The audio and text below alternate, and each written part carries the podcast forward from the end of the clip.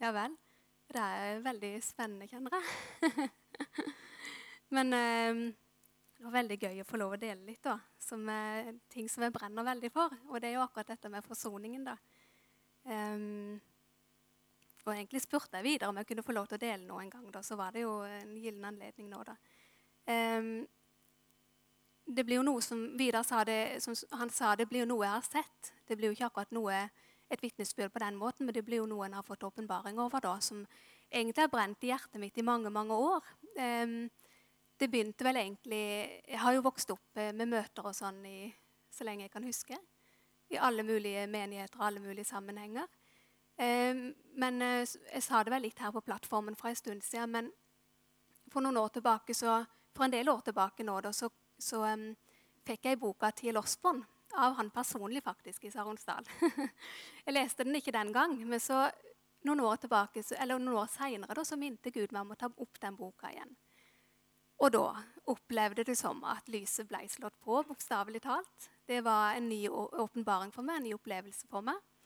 Eh, selv om jeg har hørt evangeliet i mange mange år og, på en måte fått tak på mye av det grunnleggende, så plutselig så jeg det i et helt nytt lys. da.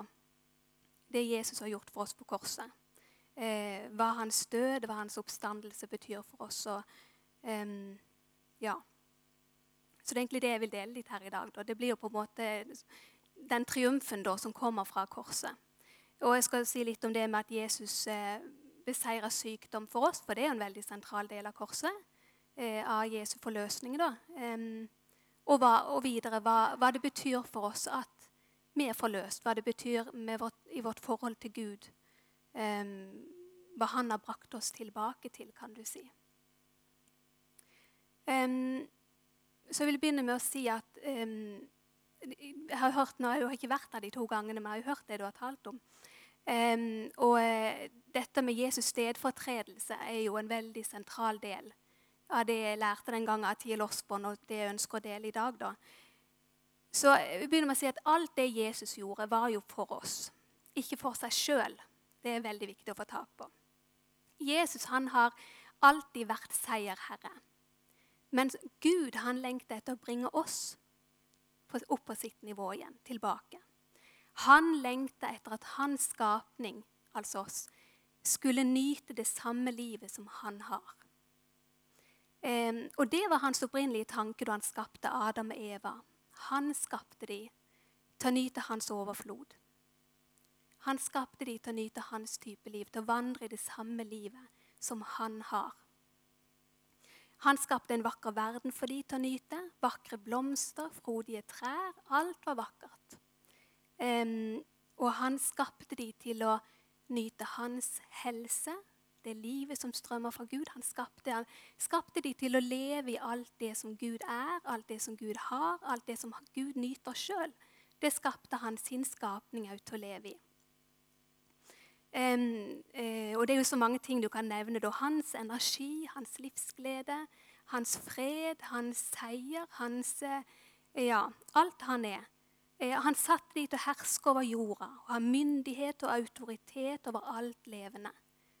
Så han, han skapte oss til å være over, til å til å på en måte være seirende i livet, da, kan du si. Ikke til å ligge under for noe eller på en måte være dreven hit og dit av forskjellige ting. Men han skapte oss til å være de som ligger foran, de som på en måte driver ikke sant, på, og, og som er fulle av liv og skaperkraft. Eh, Adam og Eva de var Guds medarbeidere. Gud vandra med de, de vandra med Gud. Gud talte med de, og de talte med Gud, og de hadde fellesskap med hverandre. De var venner. Ikke som herre og slaver, ikke, under, ikke noe underdanighet, men det var et gjensidig vennskap. det var Gud ville, Det som lå på Guds hjerte, var at han ville ha noen som seg sjøl å dele sitt liv med og dele sin verden med. Eh, og Derfor skapte han mennesket i sitt bilde til å leve hans type liv. Men så er det jo dette at de gikk i stykker, med syndefallet, og som et resultat av det eh, ble alt det som Gud ikke representerte, og som han ikke hadde tenkt for menneskene, dominerende. Det var synd, sykdom, vold, hat, ødeleggelse og fortvilelse osv. men som videre sa, da, eh, at Gud gav jo aldri opp sin plan. Og derfor sendte han Jesus. For å frelse oss fra den håpløse tilstand som vi var kommet inn i. Og han frelste oss for å, han sendte Jesus for å føre oss tilbake til utgangspunktet. Jesus, eh, og Jesus han brakte oss tilbake til utgangspunktet fordi hans forløsning er total. Og det, det, det, tror jeg er utrolig viktig å få tak på. Det var i grunnen det jeg så den gangen så sterkt. Jesu forløsning eller forsoning eller alt det som strømmer ifra forsoningen og i forløsningen, det er ikke halvveis. Det er ikke stykkevis. Så når Jesus fører oss tilbake igjen til utgangspunktet, så er det altså hele veien tilbake. Ikke midt på, på en måte, eller ikke liksom tre fjerdedeler tilbake, men det er hele 100 hele veien tilbake igjen. Um, fordi at han bar Grunnen til at han kunne gjøre det, han bar hele fallet. Hele fallet bar han. Og en gang for alle så satte han en strek over hele fallet for hver den som tar imot han, eller som Vidar sa så fint, hver den som legger sine hender på han. Det gjelder for oss. Um, Vidar prater en del eh, fra Jesaja 53, og jeg vil prate litt om det òg. Men jeg tenkte først at vi kunne ta i 5. Mosebok, kapittel 28, vers 60 og 61. Og nå tenk, vil jeg prate litt om det som har med sykdom å gjøre. da. Um, sykdom er jo som sagt en konsekvens av Adam og Eva sin synd. Gud hadde jo aldri planlagt sykdom for mennesket. Det var overhodet ikke hans tanke eller hans plan. Men så kom dette inn i verden pga. Adam og Eva. Og videre så har det jo fulgt generasjonene. Så det, men Jesus tok et oppgjør med det, og det skal vi ta litt etter hvert. Men det står i 5. Mosebok Igjen skal han føre over deg alle Egypts lidelser, dem du frykter for. Og de skal henge fast ved deg, også enhver sykdom og enhver plage som det ikke er skrevet om i denne lovboken, skal Herren føre over deg helt til du er ødelagt. Um, jeg må bare si en liten sånn notis der. Det står 'skal Herren føre over deg'. Egentlig er det en del som mener at det står 'skal Herren la føre over deg'. Så det egentlig menes at det ikke er Gud som gjør det, men han tillater det, eller han på en måte lar menneskene få sin vei. da, kan du si.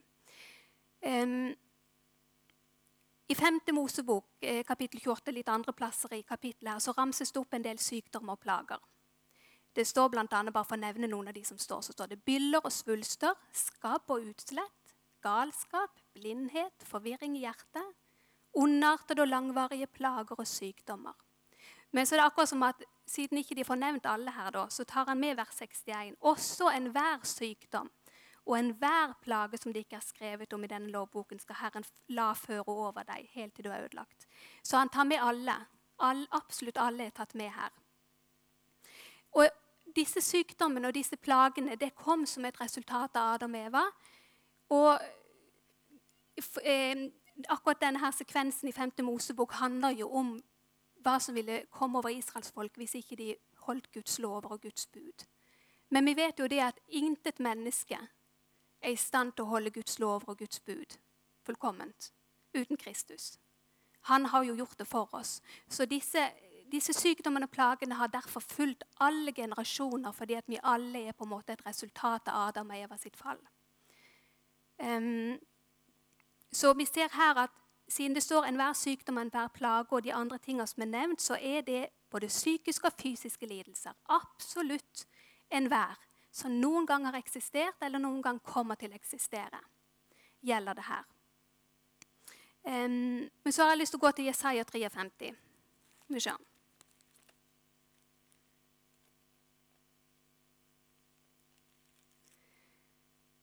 Her står det Jeg begynner i kapittel, nei, kapittel 52, jeg vil jeg begynne med, i vers 14. På samme måten som mange ble forferdet over deg Vent hvis noen skal blå opp, kanskje.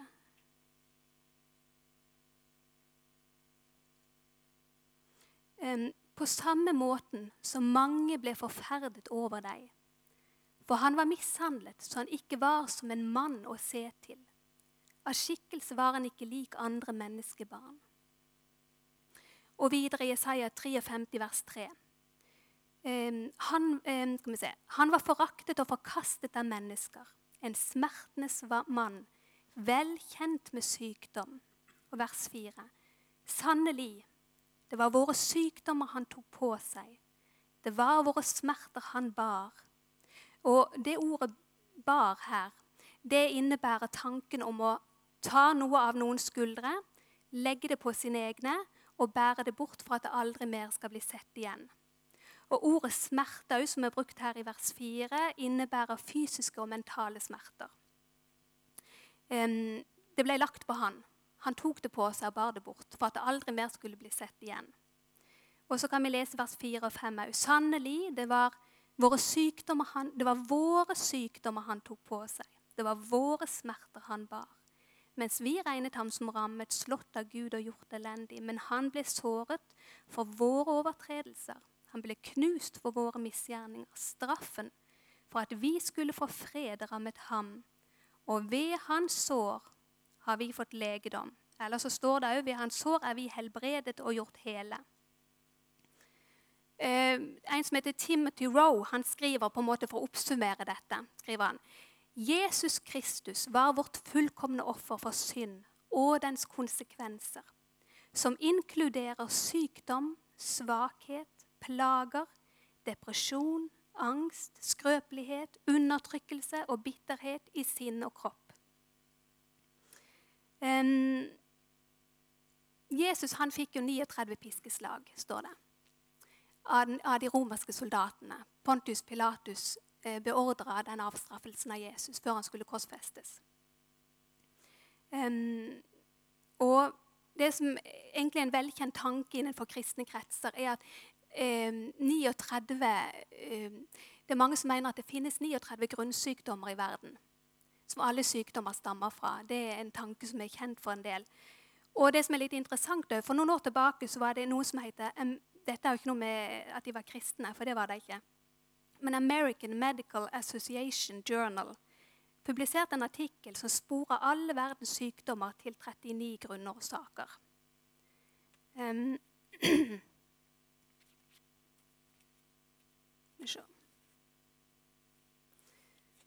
Um, så Jesus han ble piska 39 ganger av de romerske soldatene med en pisk som kalles den nihalede katt. Jeg skal ikke gå sånn veldig inn på det, men bare for at dere skal skjønne litt av hvor mye det koster for Jesus å bære sykdommene våre. Så var det jo sånn med denne pisken at i enden på den eh, Det var gjerne en sånn læreim eller noe sånt, og så i enden på den så var det festa biter av bein eller stein eller metall for å gjøre mest mulig skade på offeret. Og det var, en, det var, ikke en, veldig uvanlig straffemetode på den tida. Og Det de gjorde med de som skulle avstraffes, da, det var at de kledde av dem. De hadde gjerne klede rundt livet da, og bandt dem til en stolpe um, og, og piska dem. Og det var ikke vel, heller uvanlig at de som ble piska, eh, døde under selve den avstraffelsen. da. Eh, det som egentlig skjedde, bare for å ta det litt kort, eh, var at piskinga ville bokstavelig talt rive huden løs fra ribbein og ryggmarg og gjøre blodårer, indre muskler, bindevev og innvoller synlige. Um, og mange, mange, enten døde eller fikk Det var jo det at en mista veldig mye væske ut av kroppen, for det rant jo bokstavelig talt ut fra kroppen, og ble, alt ble på en måte lagt åpent på den måten. Så Jesus han betalte en komplett pris for vår helbredelse. Det er grunnlaget for vår helbredelse. Og det er grunnlaget for at vi kan regne oss som helbreda når vi har mottatt Jesus. Helbredelse er i forløsningen. Det er ikke noe som kommer etterpå, men det er i forsoningen, det er i forløsningen. Det er en betalt rettighet for hver den som har tatt imot Jesus. Og et bevis på at vi ser at det er en del av forsoningen òg. Ofte er det sånn at når folk tar imot Jesus og blir frelst, så ser vi jo veldig ofte at de har blir fri fra sine sykdommer i samme øyeblikk. Selv om ikke de sjøl er klar over at helbredelse er i forsoningen, veldig ofte så vil de bli helbreda. Unnskyld. um, så um, det er viktig å forstå. Helbredelse er like mye av nåde som rettferdiggjørelsen. Og helbredelse er like mye knytta til Kristi verk på Golgata som rettferdiggjørelsen. Det er det samme verket. Må, noen sier på en måte at, at um, Kristi verk på korset er et dobbelt verk. Det har med forsoningen, altså det har med rettferdiggjørelsen, og det har med helbredelse fra sykdom. Jesus betalte utrolig dyrt for begge deler. Så det er ikke sånn at vi kan på en måte legge vekk den ene delen, for han betalte, han betalte til det ytterste for at vi skulle være helbreda. Og fra Guds side så er den saken ferdig. Ikke, noen har den tanken kanskje at det er noe som gjelder for enkelte. Men, men fra Guds side så er dette akkurat like mye som vi vi på en måte deler den tanken at Gud vil at alle mennesker skal bli frelst eller, eller bli hans barn. Like mye fra Guds side så er det en ferdig sak at alle som har tatt imot Jesus fra hans side, har tatt imot helbredelsen. Og for å være, Det er mange ting i dette bildet som har med erfaring og sånne ting som gjør at det kan være et vanskelig tema for noen. Men, men fra Guds side og rent sånn teologisk, om du kan ta det sånn, så har det med helbredelse egentlig ingenting med følelser å gjøre, like mye som rettferdiggjørelsen har med følelser å gjøre. Vi sier jo ikke til folk hvis de kommer til oss og spør jeg føler meg så lite frelst i dag. Jeg er så usikker på om jeg har tatt imot eller jeg har oppført meg så dårlig i dag. ikke sant? Så sier jo ikke vi ja, men er du sikker på at du er frelst? Kanskje vi skal be om frelse en gang til? Men da sier vi nei, du skal stå imot de tvilstankene. Du har tatt imot frelse. Hvis du har sagt ja til Jesus, så er du frelst. Fra Guds side er det samme sak med helbredelse. egentlig.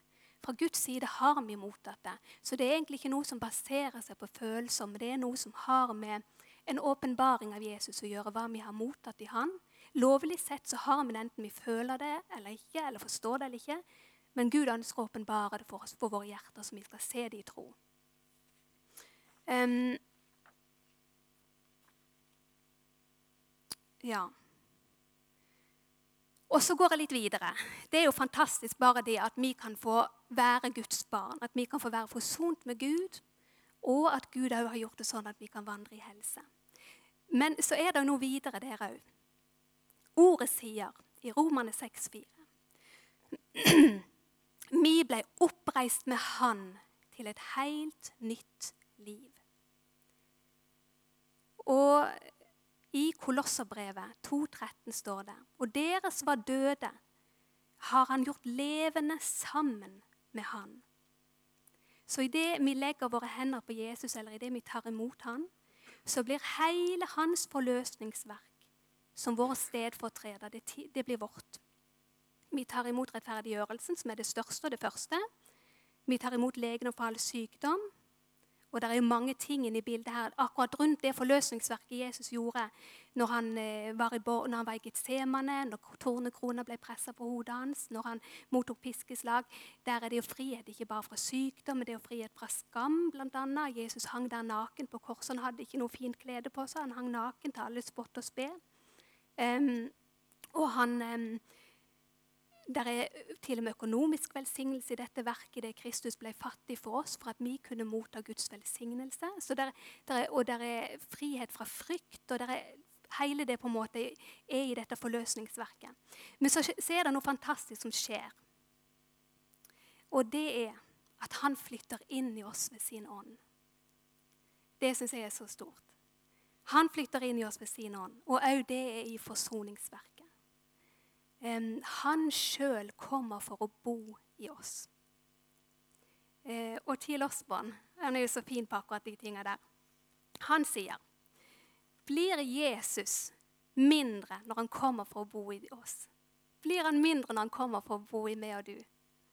Legger han av seg noe? Nei, han gjør jo ikke det. Han er jo den samme. Han er den samme i dag som han var da.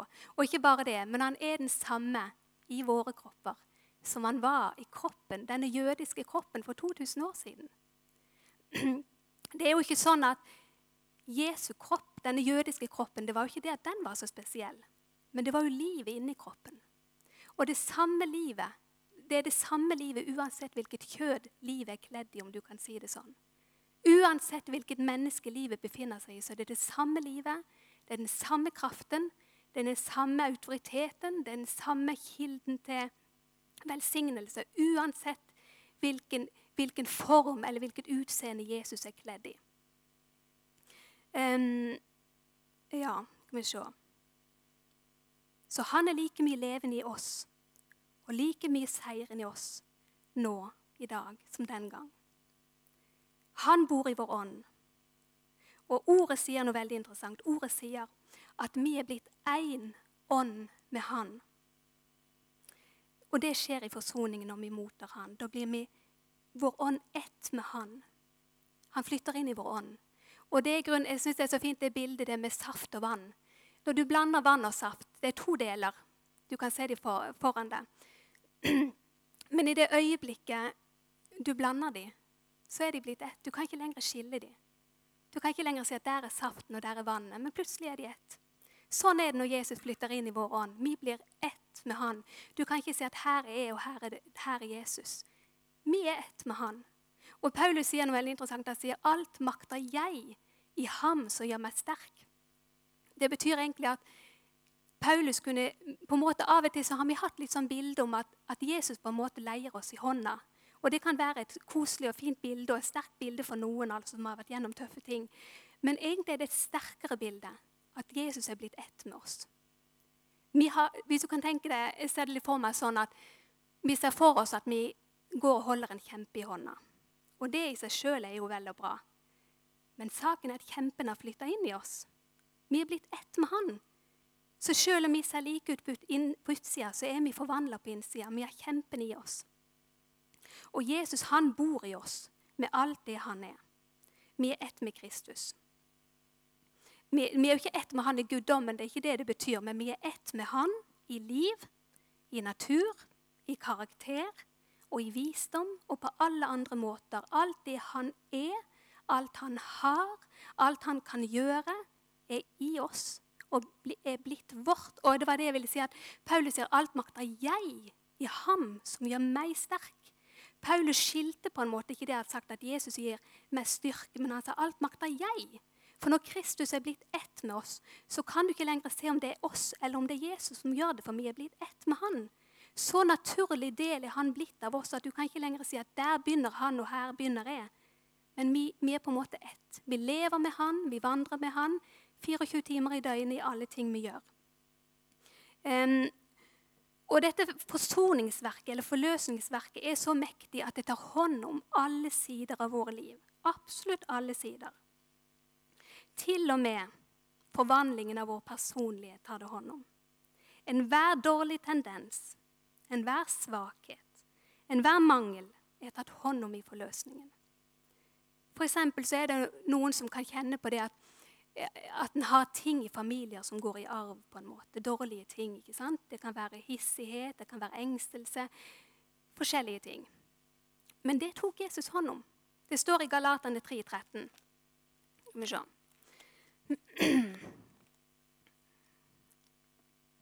Der står det Kristus har kjøpt oss fri fra lovens forbannelse idet han ble en forbannelse for oss. For det står skrevet:" Forbannet er hver den som henger på et tre. All forbannelse kommer jo av syndefallet. Så Kristus han har båret forbannelsen, all forbannelse som kommer av syndefallet, tok han på seg sjøl. Så du kan si at Jesus kommer inn som en sånn vegg mellom oss og arvelige tendenser. som Han bryter den forbannelsen idet han sjøl ble en forbannelse for oss, og setter han oss fri. Så Derfor så er det ingen forbannelse over den som har tatt imot Kristus. Det er ingen forbannelse. Der fins ikke noe arvelig forbannelse over den som har tatt imot Kristus. For han er kommet inn som en skillevegg og bærer sjøl forbannelsen. Og ikke bare det. Men nå har vi Kristi liv i oss. Vi har hans natur, vi har hans gener, de er blitt våre. Hans mildhet, hans tålmodighet, hans kjærlighet og hans ro. Alt det er vårt. Og så vil jeg si en ting til som går litt på det. Gud fikser aldri på kjødet vårt. Aldri. Alle har vi med oss et kjød. Men sannheten er, ifølge Guds ord, at syndelegemet vårt er korsfesta med Kristus. Vi skal aldri bli overraska over kjødet vårt. Men vi skal heller ikke prøve å fikse på det, for vi vil aldri bli ferdig med det. Aldri. Verken før vi dør eller før Jesus kommer igjen. Men ordet gir oss en beskjed. Bli levende i Kristus. Se deg sjøl som en ny skapning i Han. For det er det vi er. Vi er gjort levende med Han. Vi er gjort ett med Han. Hans seier er vår seier. Hans natur er vår natur. Og vi skal ikke se mer av oss sjøl, men vi skal se mer av Jesus, for han er vårt liv. Det står vi lever ikke lenger sjøl, men Kristus lever i oss. Og en av de kraftigste setningene jeg syns det står i Guds ord, er det. Ordet om korset er Guds kraft til frelse. Um, og vi vet jo at det ordet 'frelse' det betyr jo det der eh, Jeg vet ikke hvordan du uttaler det, men du sa det videre. Og det betyr jo bl.a. eller det innebærer utfrielse, legedom, beskyttelse, alle de her tingene som Gud har satt oss fri fra fall. ikke sant? Alle de tingene ligger i ordet frelse. Derfor så kan du, Når vi ser ordet frelse i Bibelen, så betyr det ikke bare rettferdiggjørelsen. For ofte står det at du er blitt frelst ved din tro. ikke sant? Når folk er blitt helbreda. Så helbredelse og utfrielse og alle de tingene ligger i det ordet. Um, så ordet om korset er Guds kraft til utfrielse. Ord om korset. Og Jeg syns det er så mektig. Ikke ord om oss sjøl eller ord om fortida, eller ord, men ordet om korset. Guds kraft til utfrielse. Fordi forløsningen på Golgata, der ble vi forløst fra synden og Satans makt, og vi ble ført tilbake til Gud. Og vi er ikke lenger tiggere. Men Gud har reist oss opp på sitt nivå. Vi er nye skapninger, vi er oppreiste skapninger. Og T.L. Osborn han sa en ting som jeg måtte bruke litt lang tid på å tygge på og skjønne. Han sa 'You are the star', sa han. Du er stjerna, sa han. Og det skjønte jeg ikke helt den gangen, for jeg tenkte er ikke Jesus som er stjerna. Jeg tok litt tid for meg å skjønne den. Men det tok han etter hvert. Eh, og det er egentlig det at Nå må dere forstå meg rett, for jeg skal prøve å forklare litt. Men evangeliet handler egentlig om oss. For Jesus han har alltid vært seierherre. Men han ville gjøre oss til det òg. Jesus har aldri hatt noe problem med synden eller Satan. eller noen ting. Men han visste at vi hadde problemer med det. Derfor ville han reise oss opp. Han gikk ned på vårt nivå for å løfte oss opp på sitt. Han ville vi skulle nyte det samme livet som han har. Han ville vi skulle fryde oss i fars kjærlighet, som han sjøl gjorde. Han ville vi skulle herske som han. Han ville vi skulle gå oppreist og frie og vandre sammen med vår far som hans nærmeste medarbeidere og venner.